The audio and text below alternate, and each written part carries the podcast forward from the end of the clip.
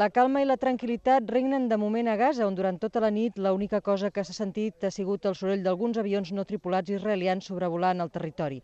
Per primer cop en vuit dies, els habitants de Gaza han pogut dormir tranquils després de donar la benvinguda a la treva amb pregàries a les mesquites i amb celebracions als carrers que altre cop presenten la seva cara habitual.